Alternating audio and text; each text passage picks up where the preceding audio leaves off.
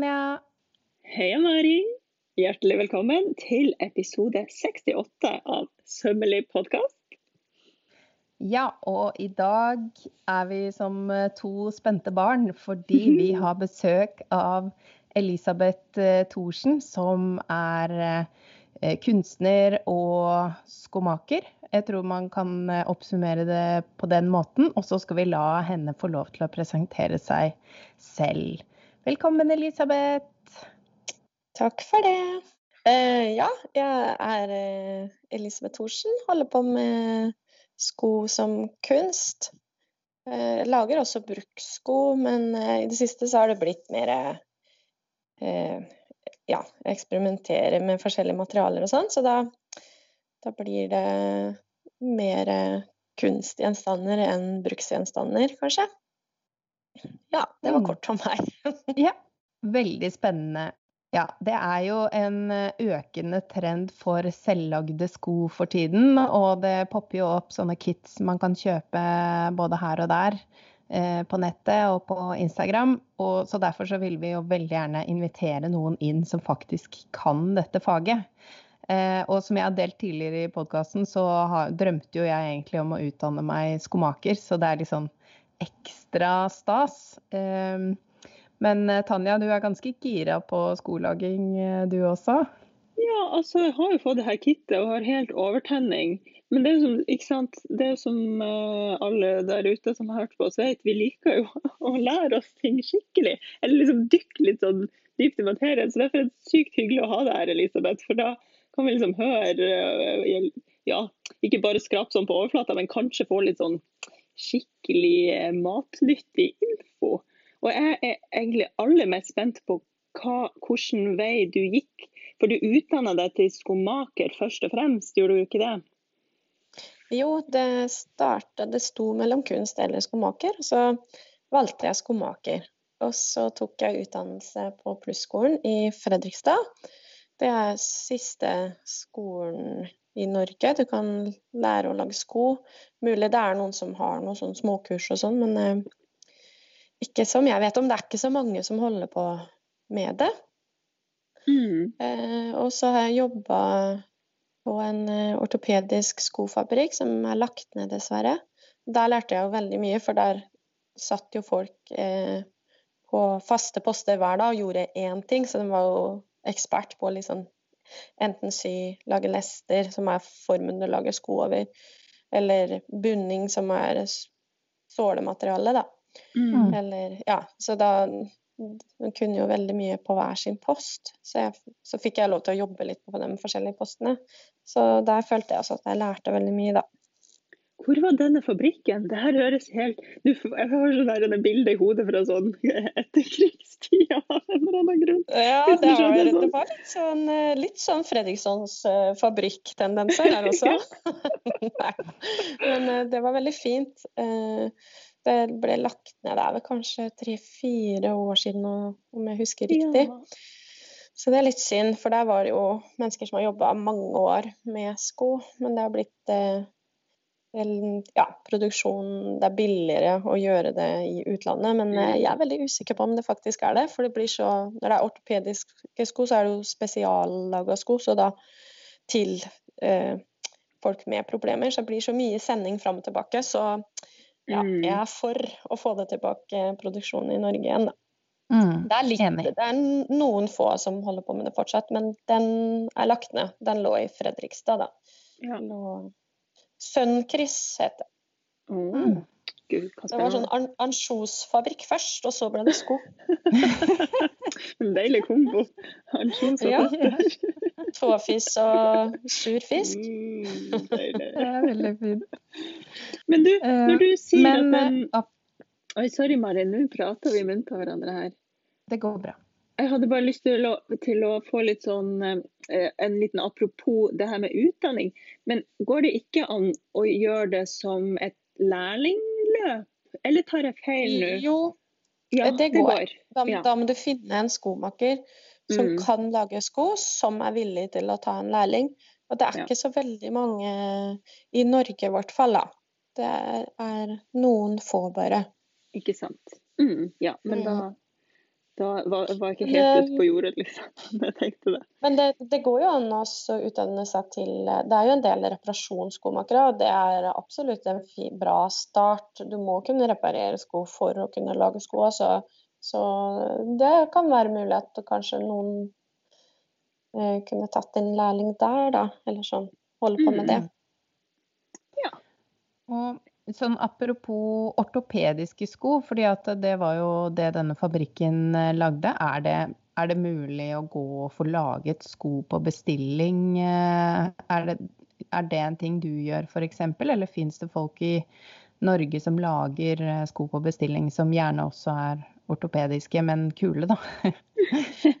ja, du, de fleste kan, i hvert fall der jeg jobba, så kunne du ta med deg et bilde og prøve å få skoa sånn som på bildet, men ofte så var det jo ganske mye problemer, så, så det, det, ligner jo ikke helt, for å si det sånn. Du prøver å få det til å ligne så mye som mulig, men det er jo ofte problemer, da. Eh, litt forskjellig høyde på bena, f.eks., eller ja litt, ja, litt forskjellig.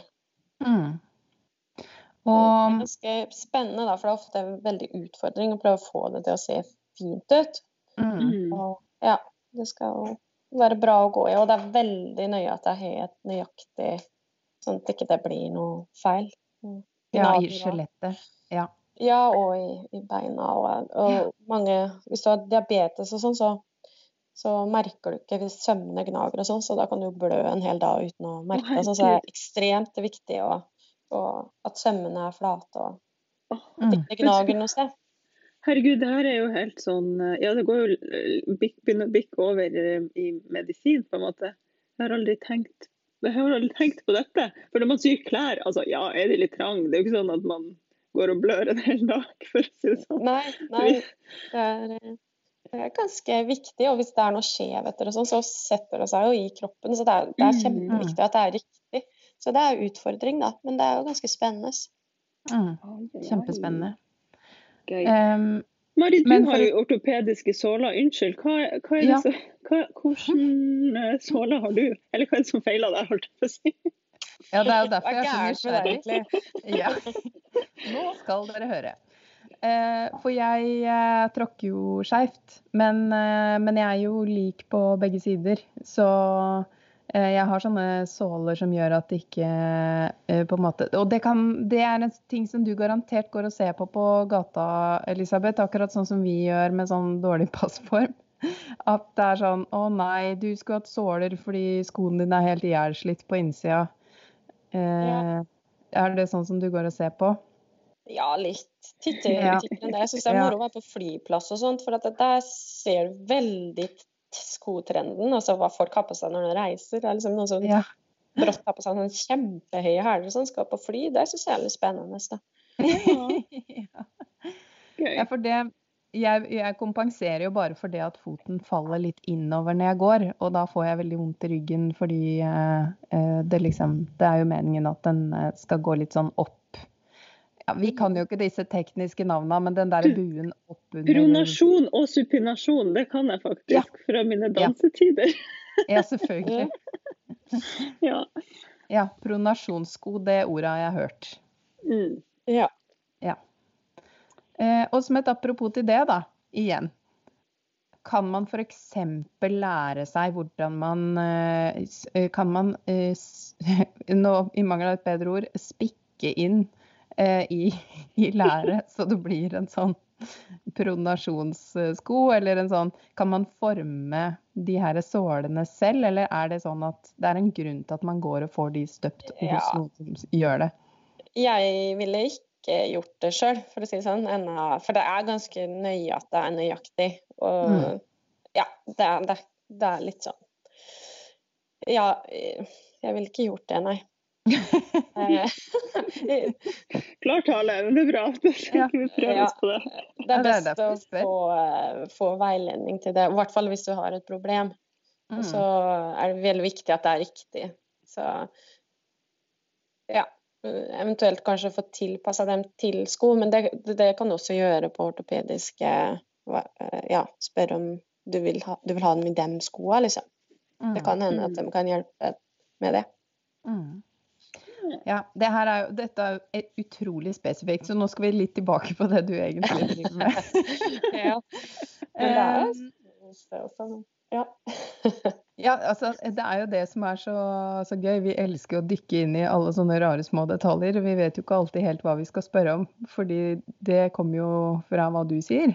Um, men eh, altså det med søm av sko, for det er jo Én ting er jo uh, tingene som sys sammen. Det er jo først og fremst det som er oppå og som er synlig.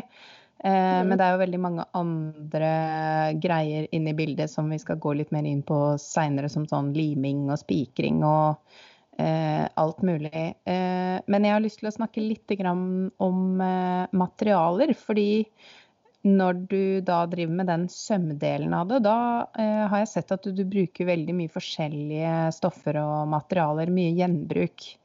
Mm. Og det syns jo vi er gøy, da.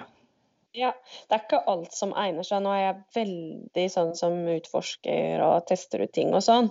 Eh, og siden det ikke alltid er ting som skal brukes, så kan jeg liksom prøve ut litt av hvert. Det, men uh, jeg, jeg, bruker en del både møbelstoff og broderier og ja, eh, ja, prøver meg litt fram, da. Men det er ikke alt som egner seg sånn til å gå med, egentlig. Mm. For da er det jo egentlig ikke det ortopediske som er i fokus, da er det mer på kunstsiden av det? Eh, ja, da jeg bare Da er jeg bare ute etter en look, og det er egentlig ikke så nøye Ja, med Det kommer ikke til å bli så bevandra sko. Men man kan kanskje ha dem eh, på en fest eller til en anledning. Mere, da? Ja. Eh, så lenge det går an, så, lenge ikke det blir klumpete sømmer og sånn. Og hvis det er mm. for tjukt og sånn, så er det jo Du må jo ha avsluttende kanter, og det som er at man passer på at du må legge sømmene der det ikke er mye bevegelse i skoen, og der det ikke gnager og sånt, da. Mm.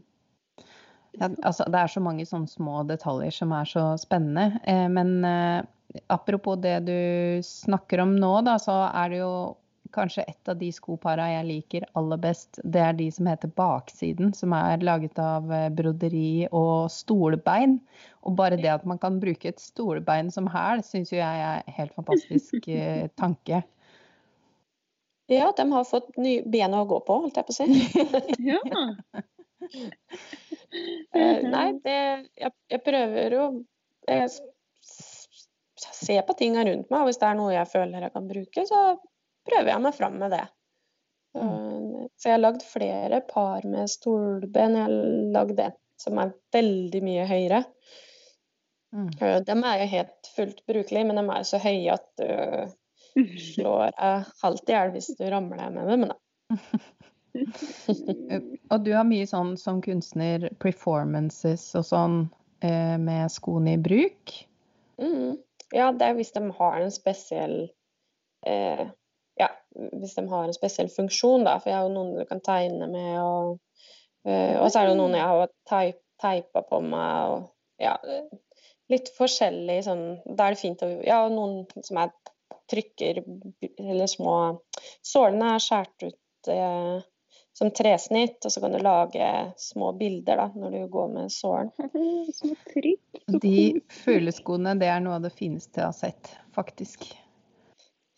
Så det er et samarbeid med en som heter Jens Degge Ledal. Da. Så han eh, Vi har også et nytt samarbeid der uh, sålene går feil vei i forhold til hvilken retning det går, som det brukte i, i krigen for å uh, Hva skal jeg si uh, ja, For å ikke legge igjen spor, liksom? Ja, for å forvirre Så hvis, hvis du går framover, så går jo spora bakover. Så du er jo for å forvirre hvilken retning du har tatt veien, da. Gøy. Herregud, fantastisk. For en ja. litt sånn eh, ja, asosial person som ikke orker at folk skal vite at jeg er på hytta. Ikke kom på hytta mi! ja. Nydelig. Men du, ja. altså, ok, fordi først du utdanna deg jo til å kunne lage liksom, brukssko. Gjorde du noe, Var det en sånn overgangsperiode der du liksom faktisk lagde sko til bruk, før det sklei over i bakvendtsko? Eh, ja, det, det, det, altså det går jo tilbake til det fortsatt. Ja. Eh, og så er det jo litt sånn at jeg har eh, tegna litt sko for eh, andre firmaer og sånn òg. Eh, Jobba litt i Portugal en periode. Eh, det òg var veldig gøy, da. Da får du være med på produksjonen og utviklingen av modeller og sånn. ja. Så Der òg dukka det opp noen triks. Altså, det, er- jo så mange måter å gjøre ting på, spesielt med sko. Så det gjelder, man, det gjelder bare å finne liksom eh, Ja, den måten du liker best, da. Mm. Og det som funker til liksom, det designet du har tenkt ut, sånn, det er liksom akkurat som med klær, ser jeg for meg. Mange veier til Ja. mål, man må liksom bare finne det mest hensiktsmessige. Ja. Mm. En ting som er litt kjedelig med sko eh, Jeg gjør det innimellom, men ikke så ofte. Hvis du lager sko til en person, og størrelsen er feil, eller liksom at det er en feil, så eh, kan du ikke gjøre som med klær, at du syr inn litt hvis Nei. den var litt stor og sånt. Du må lage hele på nytt som regel, da. Så det er liksom Da er det på starten igjen, og da må du begynne på lesten, som er formen du vil lage Ja. Er det du starten? At, den. Mm. at du liksom, For du får ikke folk inn til innprøving sånn som vi gjør, men du liksom lager en lest som skal passe den Eh, foten? Nei, du må ta mål av Ja. bena, og så eh, Ja, de måla du trenger, da. Og så eh, må du finne ut av høyde, du må finne, finne ut av modell, alt, og så kan du lage lesten, og så er det lurt å lage en eh, prøvesko, og så eh, lage skoen, da. Og, Ja. Men det, er- det er litt vanskelig med sko på en måte, fordi hvis du lager en sko som passer, så er det ikke nødvendigvis at kunden syns det passer, fordi man er jo vant til å gå i skobutikken, og mange kjøper et, sto, et nummer for stort, noen kjøper sko som er litt for trange. Så det handler liksom om følelsen av å ha på seg eh, Mm. Og åssen kunden li, eh, liker det å ha det i bena. Mm. Ja. Så selv om det er riktig, så er det ikke sikkert det oppleves eh, riktig, da. Ja. Og da vet de det kanskje ikke før de har skoen på, for det er jo sånn med klær så, så er det jo det man kaller ledighet, at man på en måte Ja, jeg foretrekker at den er så løs som det, men, men når det er noe du fysisk føler på beina, så har du kanskje ikke et like bevisst forhold til eh, hvor, hvor mye luft du har imellom, eh, og hva slags, akkurat hva slags fasong og sånn. Ja, så er man liksom så vant til at størrelsen er forskjellig. Så det er sånn, ja, jeg har enten Mm. 37 eller 38, og så prøver du bare fram til den skoen du syns sitter greit. Mm. Og eh, med en gang det er snøring, så er det jo lettere, da, for at da kan du jo snøre deg til størrelsen litt bedre. For Mm. da, da, da strammer du jo bare inn der den ikke er stram, Mm. med lissa, på en måte. Ja. litt vanskelig å forklare. Ja, ja. Men eh, da sånn apropos lest, fordi hvis noen lurer på hva lest er, det er på en måte litt som eh, bysten, bare til foten. Den derre Ja. fotfasongen som man former på. Eh, og så lurer jeg på, når du sier at du lager lesten, eh, legger du på for Altså har du en, en baselest som du putter på et eller annet utapå og bygger den ut sånn at det blir den foten, eller må du fysisk lage en lest til hver fot? Eh, hvert sko, eller liksom hver kunde får sin eh, lest. Men eh, du kan gå ut ifra Eller det, det kommer an på prosjektet. Noen ganger så, så er jeg ikke så interessert i å lage lesten. Eh, men eh, det er fullt mulig, men det er en ganske stor prosess. Da må du enten lage det ut ifra en treblokk, eh, eller så må du ta avstøpning av foten, men eh, du må ha foten i riktig vinkel. Og så er det litt sånn styr med den plastmaterialene, men det er ganske gøy, da. Og ut ifra det så lager du tåfasongen, og så eh, hvis det er noen forandringer, så kan du bygge på enten med lær eller med EVA eller et eller annet. eh, Ja, litt, det er forskjellige materialer du kan bygge på, eller ta av, slipe av eller bygge på, da. Mm. Så man kan bygge på sånn som man gjør med en, eh, med en bysse, så bruker vi jo et mye mykere materiale som vi padder utapå med, men det kan man Ja. også gjøre med de her hardere.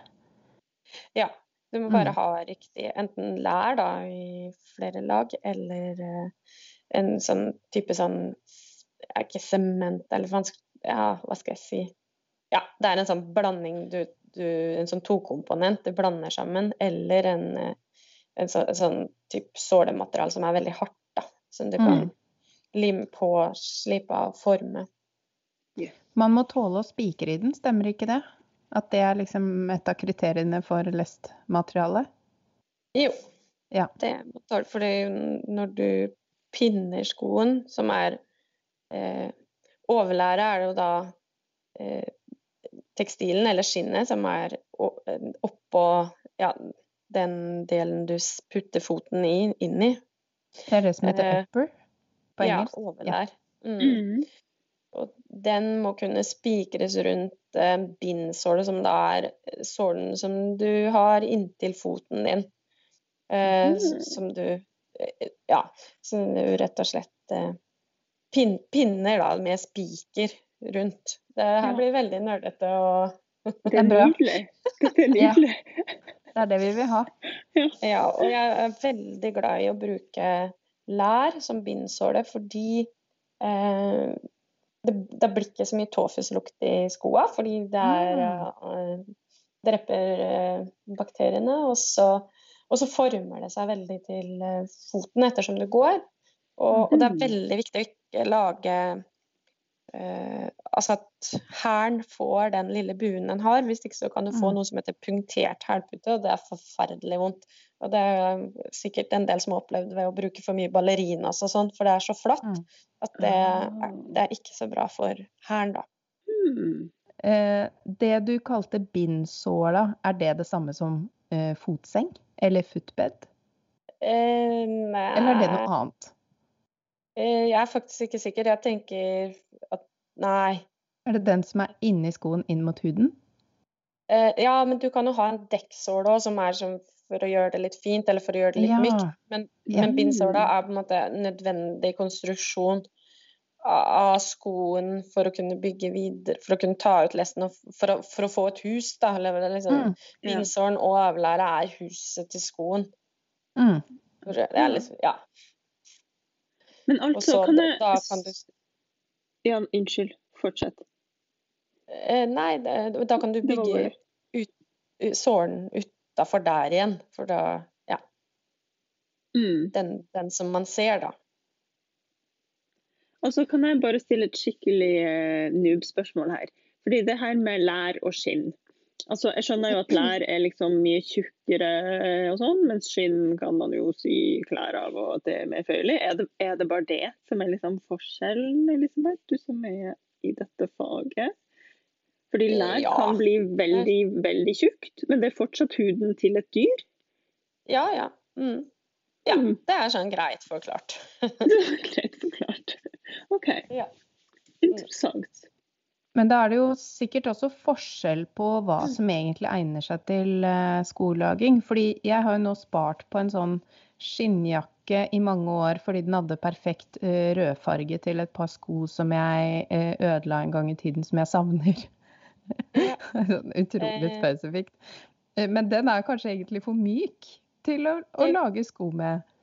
Ja, det som kan skje hvis du lager skoa i for mykt materiale, i hvert fall uten forsterkning, eller du, du kan jo fòre det på en måte som gjør at det kanskje holder bedre, men det, hvis det er veldig tynt, så går det jo fort hull i det, og så, og så kan skoen klappe sammen hvis ikke du har eh, mye sånn øh, større partier av tåkapper og hælkapper og eventuelt øh, Ja, du, du, kan bruke noe inni skoene som gjør at de holder seg mer i form òg, men, men øh, det er ikke så lurt å bruke så mykt materiale hvis ikke det er uttrykket du er ute etter. At den klapper mm. litt sammen. på en måte. Det, er, mm. det kan jo se litt kult ut, det òg, men ja. ja. Sånne Peter Pan-sko, som jeg kaller det, de er jo ofte myke. Sånne ja. som du liksom snører eh, lite grann. Ja. Men de blir kanskje ikke så solide? Nei, det kan jo være sånn at det blir fort raspa opp og sånn, da, men eh, altså, jeg tenker bare sånn jeg har bare prøvd meg fram med alt jeg har lurt på. Så, så mm. ser du litt åssen det oppfører seg, liksom. Ja. Eh, og, men det, pass på at ikke det er for tørt da. Det er ganske viktig, for da, Ja. da kan det spjære når du binder det og sånn. Så det, det må ha liksom Det viktigste er at det har litt sånn strekk i seg, eller hva jeg skal si. At du, Mm. du kan ta fingeren under, så ser du at det liksom følger fingeren. Hvis det er veldig sånn tørt, så da kan du nesten rive det fra hverandre. Det er ikke vits å begynne å, Mm. å mm, dra og pinne og surre med det, for da, da er det fort gjort at det ryker, rett og slett. Blir som papp, liksom. Ja, litt som Ja. papp. Og det kan det jo bli over tid. Men det går an å Mm. prøve å smøre litt og sånt, da. Men eh, eh, jeg er ganske glad i å ha litt godt skinn hvis jeg først skal bruke det på skoa, da. Mm. Mm. For det er såpass mye jobb, så når det, når det ryker, er det veldig kjedelig. Da må du jo begynne Ja. å sy og ordne alt på nytt igjen. Ja. Apropos eh, litt jobb. Hvor lang tid, eh, sånn helt gjennomsnittlig da, jeg forstår jo at ikke man kan si hvor lang tid tar det å lage et par sko, fordi det kommer jo helt an på detaljer og sånn, men sånn eh, gjennomsnittlig, hvor lang tid beregner du på en måte hvis du skal lage et par sko fra bunnen? Oi, det, det er kjempevanskelig spørsmål, for jeg har som Mhm. regel flere prosjekter. Jeg er ikke glad i å sitte med én sko fra til Å. Jeg har som regel Nei. ganske mange prosjekter, så det kan liksom være Ja, det er så vanskelig. Og så er jo alle prosjektene mine så forskjellige i forhold til at jeg bruker så mye eh, ulike materialer, så jeg bruker en del Mm. tid på å utforske. Så plutselig så har jeg brukt tre uker på å lage én hæl fordi jeg ville støpe, og så ville jeg ha den akkurat sånn. Så det, det er litt sånn vanskelig å og ja, det er jeg faktisk litt usikker på sjøl, altså. Mm. Men sånn, jeg fortsetter, jeg. Fortsetter å Mm. spørre, jeg. Hvis du Nå har jeg skjønt det Det er vel litt sånn Det uttrykket 'skomakerens barn' kommer vel fra dette. At eh, du eh, går kanskje ikke med selvlagde sko hele tiden selv, men potensielt sett, da. Hvis du skulle si 'nå trenger jeg et par sko som er bare til meg', eh, Mm. og så skulle du på en måte kosa deg med det, hadde du da kunnet lage dem på en helg? Ja, det, kom, det kommer veldig an på hvor, hvor- hvordan sko det er, og om jeg har Mm. les, lestene fra før, om jeg, må la, om jeg må lage lestene fra bunnen av, eller gjøre om på lester, så kan du bruke noen dager bare på det. Nå er jeg jo veldig Mm. sånn jeg, jeg jobber alltid parallelt med andre ting, så Mm. eh, jeg er ikke glad i å sitte liksom med én ting bare, da. Det er alltid andre ting inne i bildet. Så, mm. og så er jeg ikke så veldig sånn for å stresse eller lage eh, Eller ja. Det, det tar den tiden det tar. Jeg fomler meg fram til det jeg skal. Og, og du må ha alt materialet. Så det er liksom Hvis jeg ikke har skinnet, så må jeg ordne det. Hvis jeg må ha lest, så må jeg lage eller bestille eller gjøre om på det. Og hæler, skal jeg lage dem, eller skal jeg finne noe som jeg har, eller skal jeg dra på loppemarked og se etter noe? Eh, Det kommer liksom helt an på hva jeg skulle lagd meg, da. Men Mm. kanskje et par ballerinas eh, hadde jo gått å, å lage, men det er jeg jo ikke noe glad i. Nei. Det er jo en smakssak også. Men det er vel kanskje også derfor mange begynner med sandaler, fordi det er ikke så veldig mange bestanddeler. Eh, men, og det er litt komisk at jeg spør om det her, fordi jeg også er sånn som har veldig mange baller i lufta samtidig, og har Vi kaller det skammens skuff. Eh, vi har skammens skuff eller vi, jeg, Tanja har ikke skammens skuff full av påbegynte prosjekter, men jeg er den typen som begynner på veldig mye på en gang. Så jeg hadde sikkert heller ikke kunnet svare på det spørsmålet, så det er litt komisk at jeg gravde så innmari om det. Eh, men jeg tipper at folk er nysgjerrig på hvor lang tid det tar å lage sko. Så Ja, Det kommer er helt litt- an på hvordan du jobber, liksom, tenker jeg. Og, og, eh, altså, en vanlig skomaker hadde ikke hatt eh, problem med det. Men eh, ja. Det, det Mhm. kommer helt an på. Og om du har tinga du trenger, for det er alltid så mye forskjell. Så hvis du får en idé og har bestilt alt på forhånd og sånn, så, så er det jo litt annerledes. Da, da Mm. er det jo klart. Ja, for det, det jeg syns er litt sånn deilig med de her eh, kitsene som Mari har snakka om, som er sånn poppis. Fordi nå, Jeg har jo bestilt meg en sånn, og det jeg syns er så digg, er at de har bare liksom tenkt på alt for meg. ikke sant? Sånn her. Jeg har bare tenkt OK, den skoen der vil jeg ha, den ser fin ut. Og så har jeg liksom bare fått alt jeg trenger for å lage akkurat den skoen. For meg som Ja. aldri har laga sko før, helt nydelig. Trenger ikke å bruke en hjernecelle på å finne ut noe som helst. Bare følg trinn Nei. for trinn, liksom. Det er, det er nok en veldig grei måte å starte på, men jeg er ganske glad i å, å lage bindsåren sjøl, for da får du jo liksom ferdig men jeg føler Det kan være liksom en deilig del av prosessen at du faktisk lager bindsåren, at du eh, må forme gelenken, som er liksom en forsterkning inni skoen. Og, eh, Mhm. men, men det er sånn som kommer etter hvert. Eh, eh, Ja, ja. Når, du kan, når Mm. man kan det, selvfølgelig. Men når du sier lag Ja. bindsålen, altså bygger du den på en måte opp med flere lag? Er det det du gjør da? Eh, ja, det, det kommer an på skoen. Da. Hvis du har høye hæler, så må du det. Eller, og, ja, da må det forsterkes, på en måte. I hvert fall hvis du bare har lær, da. Så. Og så er jo den gelenkfjæra, som jeg sa, den må du liksom få lagt inn riktig. Og det er liksom en del av spenningen at det er litt vanskelig, syns jeg, da. For den må ligge riktig for at skruen skal treffe, for at de skal få kontakt, sånn at det blir en eh, stødig sko. Det er liksom det er litt spennende når du Mm. setter i skrua på slutten og tatt ut leften, og så Oi, shit, gelenken er feil. Oi, oi, oi. Så må du liksom knote deg litt fram og Ja. Jeg syns det er liksom Jeg må Unnskyld, er det den spørre om som det. ja, er det den som piper når man går gjennom på flyplassen? Altså, Ja. Er det en sånn Mm. stålings? Ja. Mm. Ja, men nå finnes det ganske mange andre varianter av det òg. Og så har har jeg også begynt med en sånn eh, blanding der jeg bruker epoxy og Ja, for å, for å gjøre det, sterkere, da. Men mm. det Mm. er eh, Ja, det er, det er en del måter å gjøre det på. Man må liksom finne sin ting. Og, men jeg er ganske glad i å gjøre forskjellige ting til forskjellige prosjekter, bare for å teste ut, liksom. Mm. Det er vel der den kunstnertilnærminga kommer inn i bildet. Den nysgjerrigheten for å hele tiden sjekke ut ting. Ja, ja jeg syns det er gøy å bare se det. OK, jeg vet at det funker, men kan det her funke? Og noen ganger gjør det jo ikke det, noen ganger gjør det det. Så Mm. da vet du det. Det har jeg fått sett, i hvert fall. Mm. Veldig gøy. Og hva er, hva er det, beste du vet å lage? Går det an å spørre om det? Har du liksom en favoritt? Det er sånn åh, nå skal jeg lage det. Nei Eh, det, mm, Jeg syns jeg syns generelt det er spennende så forhold til å utforske, liksom. Teste ut eh, litt forskjellige ting. Og funker det, og funker det, og Jeg syns det er morsomt liksom, når jeg er i idéfasen og så bestemmer meg for hva jeg skal gjøre. Så, så, nå holder jeg på med en sånn harpesko som, som egentlig tenkte skulle være litt mer sånn pling-plong. Eh, Men så tenkte jeg jeg skulle få litt teknisk hjelp til eh, stemmeskruene og litt sånne ting hos eh, noen gutter og hos innimellom låne litt maskiner og sånn. Måne, måneproduksjoner heter den. De lager litt møbler og sånn.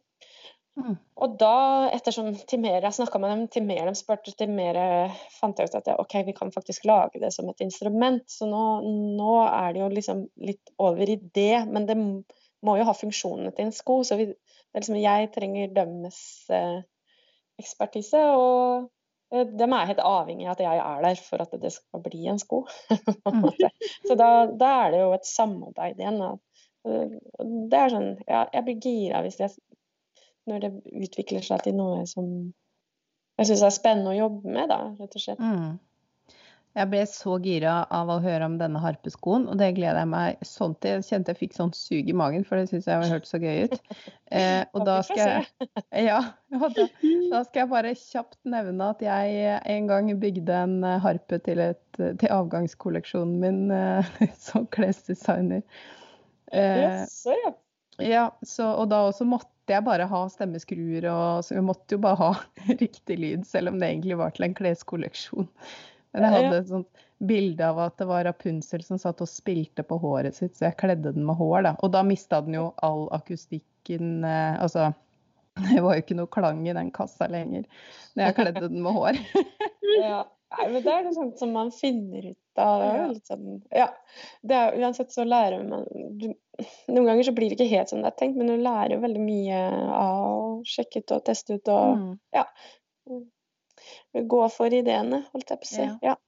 Veldig gøy, og jeg anbefaler virkelig å, å følge deg på Instagram. Vi skal dele Instagram-navnet ditt og sånn litt senere, for det er jo, det er jo veldig mye morsomt, syns jeg. Mm. takk.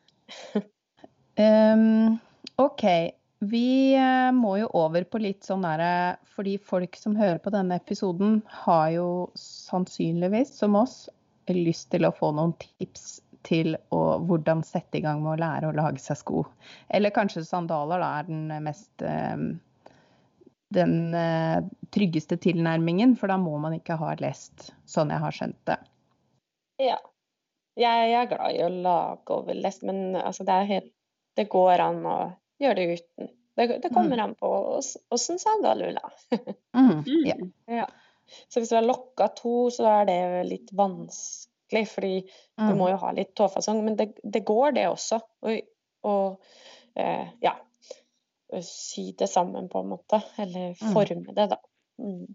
Mm. Men Det, jeg kan jo fortelle at det kittet jeg har bestilt, der har de liksom løst det sånn at man prøver sandalen på føttene sine, Mm. og liksom strammer inn de stroppene som går over eh, gjennom den øverste, øverste sållaget, eller hva jeg skal si.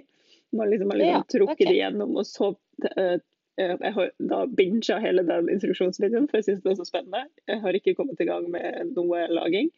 Men ja, den innprøvinga syns jeg var søt. Satt hun liksom på en krakk og, og dro litt i de stroppene og prøvde de inn, så man skulle slippe å ha en lest. da. Man kunne gjøre det helt hjemme. Ja. Mm. ja, så kan du jo også eh, gjøre sånne ting som at du har en snøring eller har en eh, knapp eller forskjellige knappetrinn eller en spenne så du kan stramme inn. Mm. Eh, Sånne ting òg gå jo, for da, da sitter det jo bra. Mm. Det er vel det som går igjen, tror jeg, i de fleste nybegynnersandaloppskriftene, at det er en eller annen justering. Den er ikke Ja. fast. Mm. Ja. Det, det kan være lurt. Men eh, la oss si da at man vil eh, ta skrittet og skaffe seg en lest. Eh, Ja. At man liksom er kommet dit. Hvordan eh, går man fram da? Går man til noen og får den spesiallaget til sin fot, eller kjøper man en ferdig på nettet, eller har du liksom noen eh, tanker om det? Hva man bør gjøre? Eh, ja eh, Jeg tror eh, jeg hadde bestilt meg på nettet. Eh, Du kan Det er nok flere steder du kan ta mål eh, og så Mm. sende inn. Så får du cirka størrelse, og så må du rett og slett tilpasse det litt, da. Eh, Mm. Men eh, eh, hvis du ikke har noen sånn veldig spesifikke problemer, så tror jeg kanskje det hadde gått greit ja, at du bestiller Ta av, bestiller, og så eh, lager en prøvesko, kjenner etter. Hvis ikke det er noe sånn spesielt, så ville jeg kjørt på å lage et par, og så eller, altså, Hvis det er noe feil, så må du tilpasse, men at du til flere ganger du lager sko til én person, til mer perfekt blir lesten til den personen, på en måte. fordi da Mm. får du jo mer tilbakemeldinger. Men Mm. eh, Og hver, hvert prosjekt krever ny lest hvis du skal ha forskjellig hælhøyde, eller mm. Da må du ha ny lest, da. For du kan ikke Eller det, det er veldig mye jobb å eh, gjøre om på høyden på lesten, da. Mm. Så, Ja, for da må så- man jo ha en sånn knekk i, i eh, midt på foten der, på en måte, sånn at den går opp til den hælhøyden man skal ha. Ja, du må liksom ha foten. Ja. Ja. ballepunktet som er på en måte på tvers mellom eh, Ja, det er litt sånn nerdete, men ballepunktet må være nedi foran, på en måte, uten at det er for mye eh, luft foran i tåa, og heller ikke for lite. Den kan, for da, det jo, da får du ikke noen gode steg når du går. Så det, Mm. du skal ha litt luft foran på tåa på lesten, og så skal ballepunktet være nedi, da. Som er liksom for foten Mm. Liksom rett bak tærne der. Mm. Em, nå kommer det et rart spørsmål. Eh, Mm. hvis man f.eks. har vært på loppis og funnet seg en eh, gammel lest i tre som kanskje er litt for stor, kan man i prinsippet spikke den til sin egen fot? Spør du for en venn, Mari? Jeg er bare gjør det sjøl-personen som er nødt til å vite det. Eh, jeg har jo funnet noen lester på loppis og sånn sjøl, men jeg, jeg, bruker ikke Altså hvis det er lagd til én størrelse, så er forholda liksom lagd til det. Det er, det er, nesten lettere å begynne på nytt, syns jeg da. For at mm. eh, du må jo også lage dem sånn at du får dem ut av skoen, så du må ha et knekk. Et, en, enten en knekk eller en eh, At du skjærer en type hva skal jeg kalle det, kile, liksom sånn at du, du, har lesten i flere deler for å kunne få den ut av skoen. Hvis ikke så mm. får du ikke lesten ut av skoen, for du pinner jo det ganske stramt rundt. Så da, hvis den er veldig stor og du skal lage en liten sko, så vil jeg tro at hvis det er en sånn gammel lest, så blir kila så feil i forhold til Men det, altså, det er jo bare å prøve. Mm. Eh, det er jo ikke noe i veien med det. Hvis det går, så er det jo bra. Hvis ikke, så har du prøvd. Mm. Og du kan eh, eventuelt bruke det til sandal, kanskje, eller noe sånt, da. Som ikke mm. er så vanskelig å få ut. Så, ja. så, jeg er veldig sånn for at hvis jeg har en idé, så tester jeg det. Og så gikk det ikke, så har jeg i hvert fall gjort prøvd. Men sjøl så bruker jeg egentlig å starte litt sånn på nytt. Og spesielt hvis det er veldig sånn i forhold til veldig feil hælhøyde, ny lest, veldig feil størrelse, ny lest istedenfor. Da, mm. da, liksom, ja, eller at det starter helt fra scratch, liksom. Ja. Det er sånn grunnmønster på en måte, at du kan ikke Du må faktisk fikse opp uh, mønsteret uh, til å bli riktig til kroppen før du begynner å putte på designgreier og uh, detaljer. Ja, og så lessen er så viktig utgangspunkt. så det det, er mm. bra, det, er, det er, viktig at den er bra. Hvis, så, hvis den er skjev, hvis den er rar, hvis den er litt sånn eller sånn, alt bare setter seg videre. Så hvis lesten er feil, mm. så blir skoen feil. Så det, mm. det, liksom bare, det, er med deg hele tiden hvis det er feil i lesten. Så det er ganske viktig at du har en eh, bra lest, da. Mm. I hvert fall hvis du skal bruke dem. Ja. ja. Altså, det her er så spennende. Og Nå ble jeg plutselig at, ja. veldig klar over at uh, man må jo ha to lester. Altså, du må jo ha ja. høyre og en venstre. Og jeg tenker ja, veldig ofte at det er en del forskjell fra høyre og venstre fot. Så du, må, du lager jo, faktisk to individuelle. Faktisk. Mm, så da, da, kan du få med den forskjellen, for de fleste har en størrelse eller noe sånt. Forskjell i ja. bena. Så det, når du lager dem sjøl, så kan du legge inn det. Så det er en, en fin, fin ting. Ja. Det åpner seg jo en ny verden. Det gjør det. Jeg sitter bare her og gaper. Uh, ja. Artig. Um, men du holder også kurs, eller gjør du det, Elisabeth? Uh, ja, uh, hvis det er nok interesserte, så, så, så, er det helt fullt mulig. men da må det liksom gå over noen dager. Så det, så det, blir noen timer og dager hvis det skal Hvis jeg syns det skal være vits, da. At du mm. sitter igjen med noe du kan bruke Ja, at du sitter igjen med nok kunnskap til å kunne gjøre noe sjøl. Så må mm. det liksom være Jeg tenker kanskje nesten en uke eller noe sånt. Ja. Mm. Det gir jo da, absolutt mening. Ja. Potensielt sett, da, så kan Tanja og jeg og en gjeng med lyttere sende deg en mail og si Hallo, vi er eh, så mange stykker som har lyst til å komme på skogkurs i en uke ja. hos deg.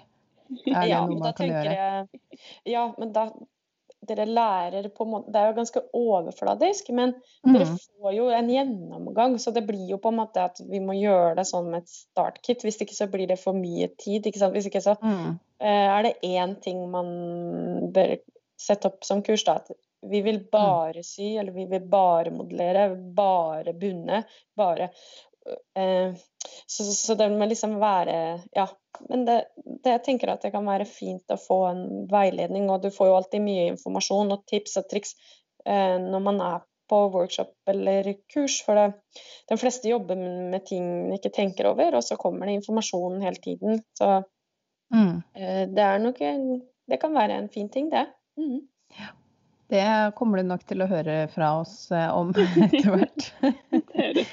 Kurs i lest kjente jeg plutselig at det kanskje var noe Nei. Ja. ja. Artig. Da bør man nest... Ja, ja, jeg Da må man kanskje sette et par, et, ja, en, et par uker. Ja, og så tenker jeg at eh, da burde jeg nesten gjort det hos noen andre enn meg, for jeg er ikke ekspert på det. Så det er nesten bedre å gå til noen. For det er så spesifikke eh, eh, deler i skoen som er så Så jeg går jo på kurs sjøl. Eh, jeg er jo eh, rundt omkring og lærer Altså, jeg føler meg som nybegynner ennå, for det er, det er så mange deler i, og prosesser i skoen. Så eh, men eh, jeg, jeg lager jo også det er absolutt muligheter for å vise. Men eh, hvis du vil fordype deg i akkurat less, så tenker jeg da bare dra til en lestekspert. Ikke sant? Fins sånt i Norge, eller må man ut av landet for å, for å møte en lestekspert, f.eks.? Eh, kanskje på en ortopedisk eh, fabrikk, kanskje. Eller Mm. så har vi et par som lager custom-made sko, så dem er jo veldig inne i lesta. Jeg Mm. er jo litt det òg, men jeg vet ikke. Jeg, jeg føler ikke at jeg ville hatt det, et verksted med bare akkurat den biten, tror jeg. Jeg Mm. føler meg ikke Altså, jeg får, får det jo til for egen del, men Du har vel også det uttrykksbehovet ettersom du er kunstner, at eh, du kan på en måte ikke bruke masse tid på en sånn teknisk ting, fordi det tar tid bort fra å uttrykke seg, da. Ja, men jeg velger å gjøre det innimellom. Det, det er litt Ja. sånn der hva, eh, Så eh, jeg var eh, på et kurs i Sverige, det er vel et par år siden, og det var veldig teknisk og veldig Da var det ransom, som er en måte å sy overlære og, og såren sammen, da. Så det Mm. ikke trenger så mye lim og sånn. Det er den Eh, kanten rundt. Ja, på en måte. Ja. Altså at du, du har en rand, så det, du setter såren, bindsåren og kanten på en måte sammen. Og så syr såren ja, i kanten igjen. Ja, det er, eh, ja, det er litt sånn teknisk nerdete, men eh, det er en gammel måte å gjøre det på som også er veldig spennende. Så plutselig så kan jeg få for meg at jeg syns at det kan være gøy til et prosjekt, og så, så er jeg tilbake til kanskje en annen måte å gjøre det på. Mm. Så Mm. det er mange måter å lage sko på. Jeg er veldig sånn eh, ganske åpen for ikke binde meg må gjøre sånn eller sånn. Jeg- så lenge det blir noe av det jeg hadde tenkt til, så syns jeg det er greit, ja. Mm. Det er veldig gjenkjennbart når det gjelder eh, søm og klær også. Ja. Mm. Man kan liksom velge flere metoder og ulike måter å stimulisere på. Ulike måter å forme klærne på og sånn. Så man, og det er jo gøy å ikke binde seg og ikke følge reglene alltid heller. Så når man Ja, kan ja, sjekke kan om man finner noe nytt, liksom. Ja, for noen ganger funker det, og så andre ganger så bare OK, det er en grunn til at eh, man gjør det sånn. Ja ja, jeg sjekka ut. Så eh, Mm. jeg syns det kan være en del av uttrykket eller prosessen at det, det går litt gærent, eller at det er Å ja, det, det funka det funka sånn. OK, da vil jeg gjøre det på neste, eller ikke. Mm. Feil er jo kanskje det man lærer eh, mest av. Eh, og apropos det, så har jo vi denne faste spalten vår, eh, ukas eh, feil. Så kanskje det kan passe å, å, med en liten historie om en feil du har gjort. Vet du hva, jeg tror jeg gjør feil nesten hver gang. Eh, på en eller annen måte. Og da, jeg føler at det alltid er noe jeg kan gjøre bedre. Og det er nesten en del av prosessen at jeg gjør feil. Og så tenker jeg at neste gang så Og så finner jeg på noe nytt, og så blir det kanskje litt feil. Men så ble egentlig det litt fint, det. Så jeg, det føler jeg nesten er en del av greia. At det, det blir mye feil. Men Mm. det trenger ikke Men hva er feil? Så lenge det går an å gå i det, så er det greit. Men hvis det blir sånn feil, så da får du, må jeg gjøre den på en annen måte, eller begynne på nytt, da. Mm. Eh, men jeg, jeg, tror, jeg kommer ikke på For det, det jeg gjør alltid eh, et eller annet jeg føler blir litt feil. Så jeg, jeg Mm. tror ikke jeg har en sånn helt sånn Men kan det gå ting. Altså, så feil at du liksom har tenkt du har tenkt at denne skoen skal være mulig å gå i, og så ble det ikke mulig? Ja, jeg har kasta noen og sånn, da. At det er bare sånn Nei, det her smelta, for eksempel, eller ja. Hva slags Ja. materiale var det som smelta på foten? Det, det var godteri, men det gikk an å gå litt med den, altså. Men den ble litt seig og ekkel. Mm. Eh, ja, og så er det bare noen ting som ryker eller sånt, da. Altså jeg tar for hardt, og så spjærer hele, og så bare Åh, ja. Eh, og så var det noen sånne jeg krystalliserte og sånn. Det, det ble feil. Altså jeg har knust Jeg har jobba en del med Ja, altså den siste feilen er noe, noen sko jeg hadde lyst til å plante i. Jeg har lyst til å lage eh, jord inni såla, altså så få, få planta til å slynge seg liksom oppover. Eh, Men Mm. feil og feil er liksom en del av utforskningen, så jeg, jeg må gjøre det litt annerledes. At jeg får plass til mer jord, sånn at jeg, røttene får mer plass. Og, så det ble ikke helt som jeg, ville. Så ja. Ah. Så der er jeg liksom litt sånn at jeg starter litt på nytt igjen, da. Mm. Veldig kult. Nå ble jeg Ja. veldig inspirert av den denne plante, planteskoen. Mm.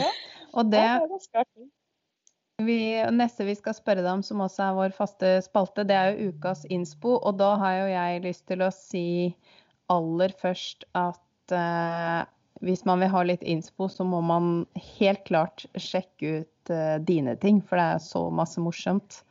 Eh, s- og ja, på, på så mange plan, da. Noe av det er gøy, noe får en til å tenke, liksom masse eh, Det er mange lag i tingene du gjør. Eh, Så da er det jo på Instagrammen din eller nettsiden din.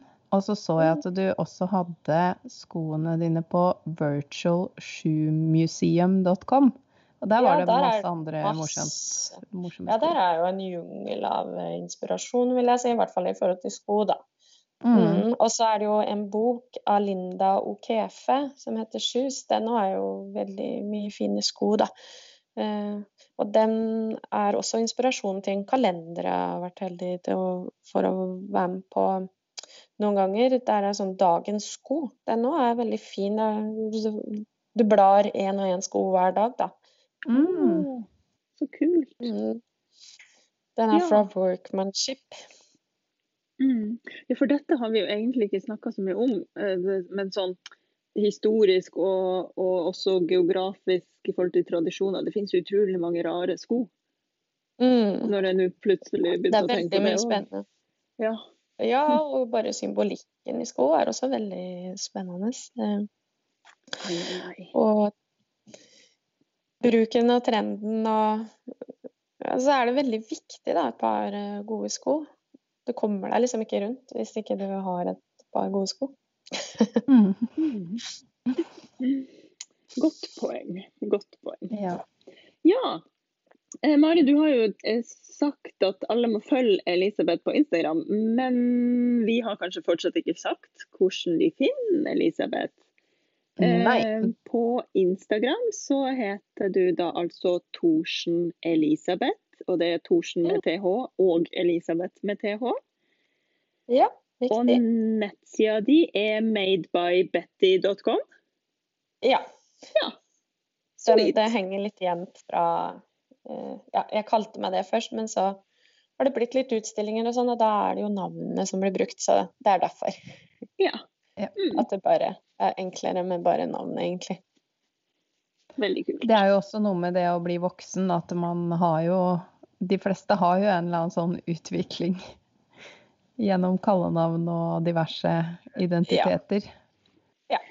Ja Så det er bare blitt hengende igjen litt. Ja. Men eh, i forhold til inspirasjon eh, Jeg vet ikke om jeg nevnte det, men eh, det føler jeg at jeg finner egentlig bare sånn i eh, Både i hverdagen og titte på ting, titte på film, eh, eh, på tinga rundt meg. Kunst. Det er liksom Ja, ting i hverdagen som bare setter i gang et eller annet. Kanskje til og med bare en samtale med noen andre, eller Mm. Mm.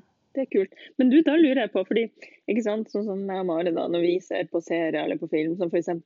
den, um, den der sjakkserien, hva var det den heter? Queen's Gambit. Queen's Gambit. Da sitter vi og ser på klærne. Sitter liksom du Ja. og ser på skoene til Ja, gjør det når jeg ser Ja. film og sånn. Mm, Ja, det blir litt sånn. Mad Men og sånn var litt morsomt, for der var det alt var gjennomført, til og med skoa og Ja, Ja. ikke sant? Mm.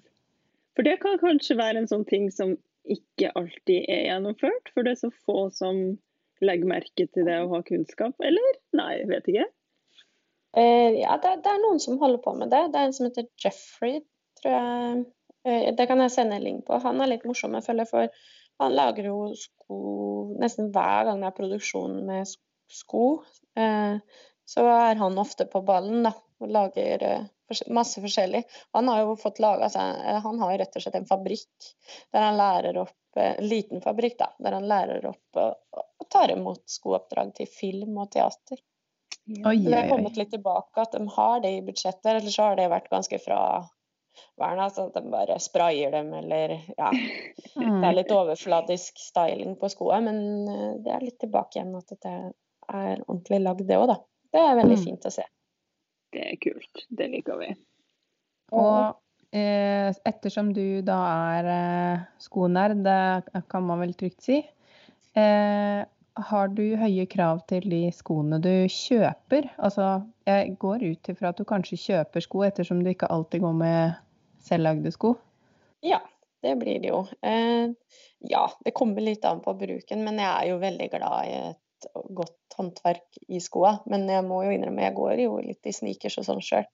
Men Mm. høye hæler og spasersko, og da liker jeg at det er ordentlig, da. Jeg Mm. kjøper ikke sånn eh, plastikk og sånn, jeg er ikke så fan av, for du puster ikke. Liksom, det er litt den der følelsen av åssen skoa er på og sånn.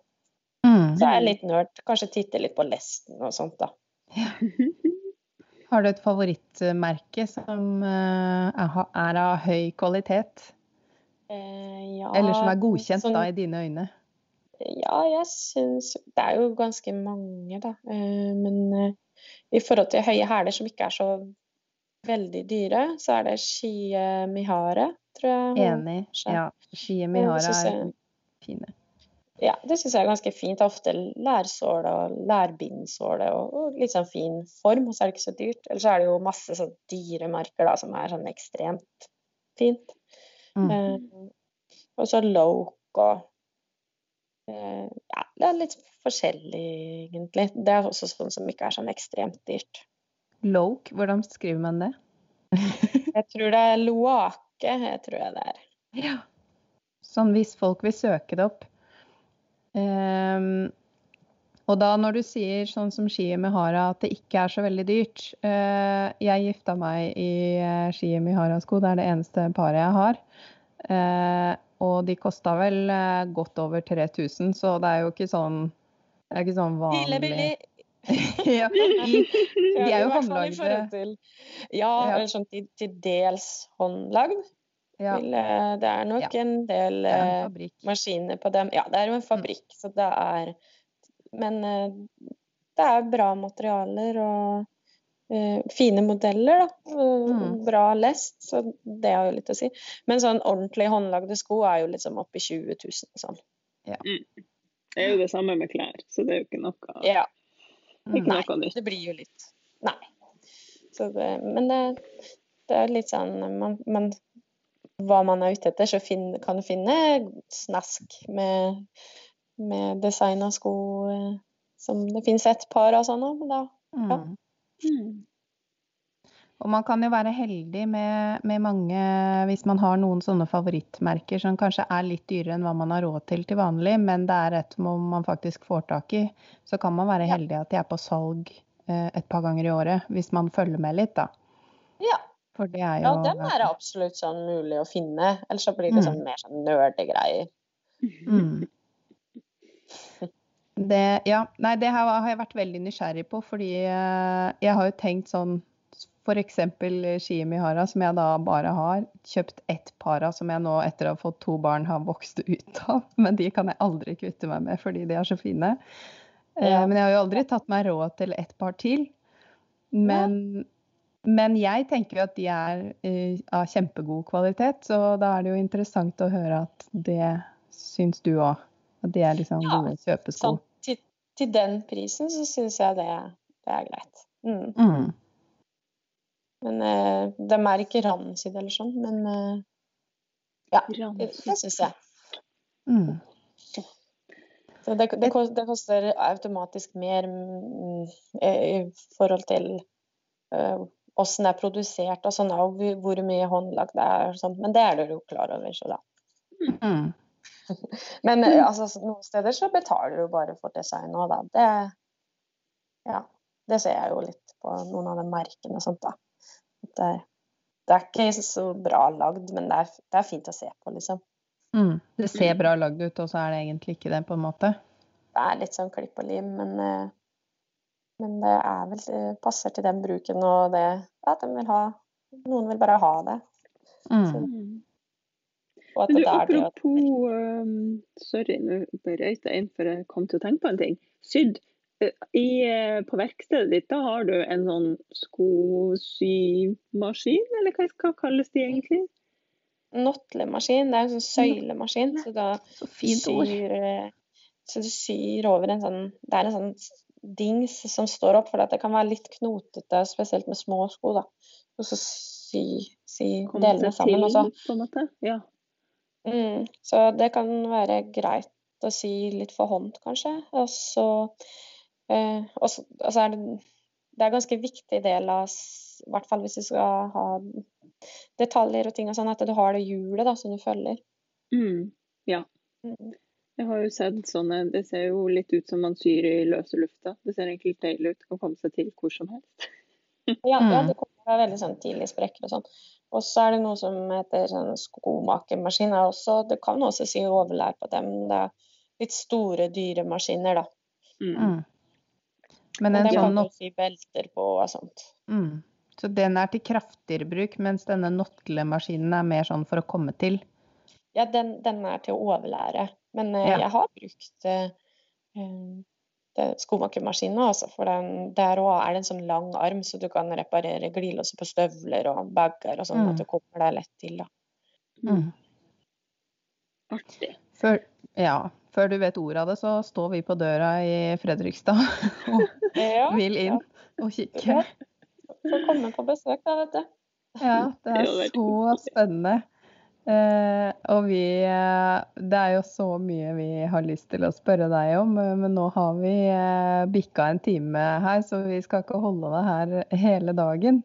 Eh, har du noen sånne eh, kjapt sånn eh, Hva må man ha hvis man har tenkt til å begynne å lage sko? Eller la oss si sandaler med åpen tå, da, siden lest kanskje ikke er det første folk skaffer seg. Nei, for det, jeg tenkte det var lest. Uh, Mm. Så er det eh, Du må jo ha overlærsmateriale, bindsåle, sålemateriale, tråd, nåler eh, Ja, hva mer? Og så må du jo ha mønsteret til Eller, ja. Mm.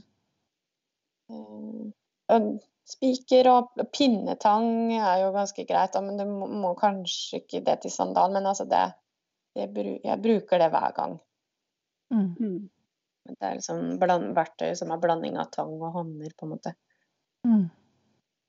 Og så er det jo Jeg har sett at i noen av de eh, oppskriftene jeg har For jeg sitter jo og leser i denne boka da, eh, sånn på forhånd fordi jeg kan noen ganger bli litt overivrig. Eh, og da ser jeg at man må ha en spesiell type spiker også, og da er det kanskje lett for folk å tenke at jeg bare går og kjøper de aller minste spikerne på Byggmax eller hva det nå er. Ja. Men det er jo sannsynligvis ikke tilfellet. Jeg, tror, altså jeg bruker jo spesialspiker, men jeg tror, hvis du lager en sandal, så, så lenge spikeren holder det sammen, på en måte, så jeg tror ikke det er et så stort problem, altså. Men det er jo sånn at jeg kan bruke spikerne flere ganger og sånn, da. Det er jo ganske Å ja. ja. Mm. Men kjøper man da en stor pakke som man har i årevis, eller er det Ja. fra Ja. en sånn skomaker? Er det, hvor bør man kjøpe disse tingene? Har du liksom et sted i Norge som du vil anbefale? som vanlig Eh, dødelige kan, kan handle på, da. Hvis man er Ja. en liten Jeg jeg har fått dem, eh, eller kjøpt dem eh, på sånn brukt Jeg titta på eh, Jeg får jo ofte sånn 'Vil du ha?' eller 'Se her er det til Ja. salgs' og sånt. For jeg er litt glad i de gamle. Men Mm. jeg vil tro at de har det på Jeg, bruker ikke å kjøpe så mye her i Norge av sånt utstyr og sånn.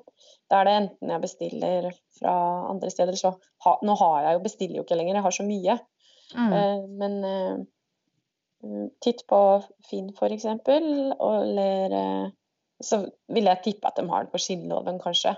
Eller så kan de Mm. sikkert få, få, få bestilt det. mm. Ja. Der har de Og- også tenger og litt sånt nå. ja, der har jeg Og også sett at de, de har sånn avkapp, for det har jeg bestilt der. ehm, eh, til å teste med. Og så har de jo mange forskjellige typer lim, f.eks. Og det er jo også Jeg vet ikke hvor mye tid jeg har brukt på å lese om lim. Fordi det er sånn som jeg blir stressa for miljøet, og, men så skal det være solid osv. Eh, det er også en sånn ting som hvis du kan si det der er mitt favorittlim. Nei, jeg er fortsatt på utforskeren. Ja, altså, jeg prøver Ja. litt forskjellig, og så sn jeg snakker med dem jeg kjøper fra. Og så hva er det. Men Mm. kontaktlim er liksom nødvendig, da. Og så gummi. Bruker en del sånn gummi flytende til overlær, slipper å få så mye lim i nesa. I hvert fall hvis jeg vil sy med en gang, da. Og prøver å altså, Nå har jobba liksom nattlig, så har det blitt litt sånn at jeg klarer å holde det sammen og sånn, men det, det er nok ganske lurt å lime det sammen, enten med dobbeltsidig teip eller gummi. Eh, først i Mm. hvert fall. Mm. Så, Ja. Sånn. Men det her har jo bare vært utrolig artig. Nå gleder jeg meg, nå, Så nå gleder jeg meg så sykt til å ta fatt på det der kittet mitt. Ja. Så bra. Jeg gleder meg til å stå på døra hos deg i Fredrikstad. Ja, det er veldig koselig i Fredrikstad, vet du. Ja, ja jeg, jeg har jo bodd der et år. Ja. Det må vi kanskje få til. En liten utflukt en dag. Ja, en sømmelig utflukt. Det blir veldig Ja. bra. Og det var kjempegøy å kunne bare eh, fyre løs med masse spørsmål. Og det er så gøy å snakke med deg. Vi gleder oss til å høre mer eh, fra deg etter hvert, fordi dette her er ikke siste gangen vi snakker om sko, det kan jeg love. Nei, det er bra. Tusen takk for at du eh, ville bidra og, eh, og dele av kunnskapen din. Det er helt fantastisk. Det tror jeg lytterne våre skal kommer til å sette stor pris på. Ja! Det er bra å få folk litt interessert i sko. Mm. Og hvis folk vil snuse litt grann på, på kurs hos deg uten å ta en sånn full uke på bestilling, så har jeg sett at du har noe sånn kurs i skinntilbehør og Ja da, det er mulig. skofiksing har jeg skrevet her, men er det Ja, det er litt sånn Jeg skjønte ikke helt hva det egentlig- Nei, det er litt sånn åssen pusser du, og åssen kan du liksom lime det litt sammen Ja. igjen. Og åssen kan du kanskje bare sånn litt gjøre om litt, da. Så det, det er jo Jeg lager jo Altså det er jo mulig å lage eh, Gjøre om skoa til helt andre ting òg. Ja. Mm. Så det er litt sånn Kan ta kurs etter litt sånn forespørsel, rett og slett. Og så noen ganger bare Mm. setter opp eh, fordi det er noen så kan følge med litt på Facebook og sånn, så legger jeg ut der, da, som regel. Når det er noe. Ja. Så akkurat nå, neste uke, så er det belteworkshop, så da går vi gjennom verktøy jeg bruker til det, og eh, åssen lær jeg bruker, og, og så alle får lagd seg sitt eget belte, da. Mm. Så artig. Det er Du, en fin hvor finner du- innfallsvinkel. Hvor finner du deg på Facebook, da? For det har vi ikke sagt.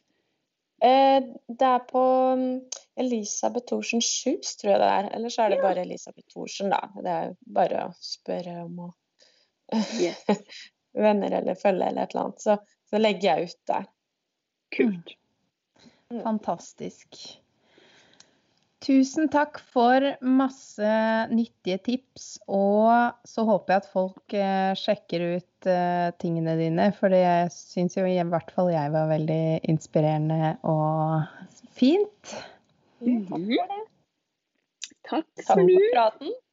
Ja. Dere ha lykke til med skolaging, da. Så hvis det stopper helt opp, så får dere ringe, da. Ja, hører nok fra oss. Nei, det går nok bra. Spesielt når det er et kit, så, så er det ganske greit. Ja. det All right. Tusen takk for besøket. Jo, takk for meg.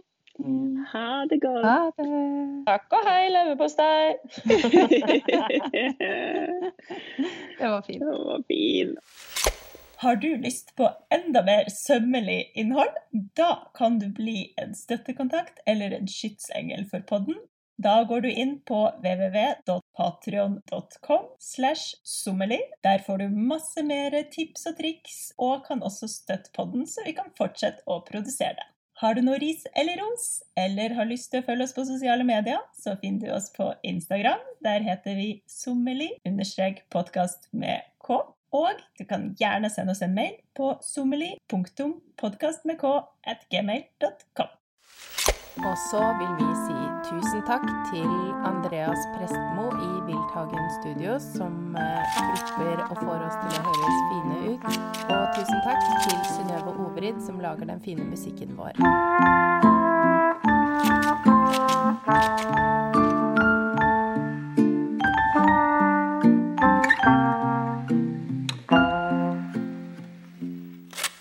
www.patreon.com slash sommelier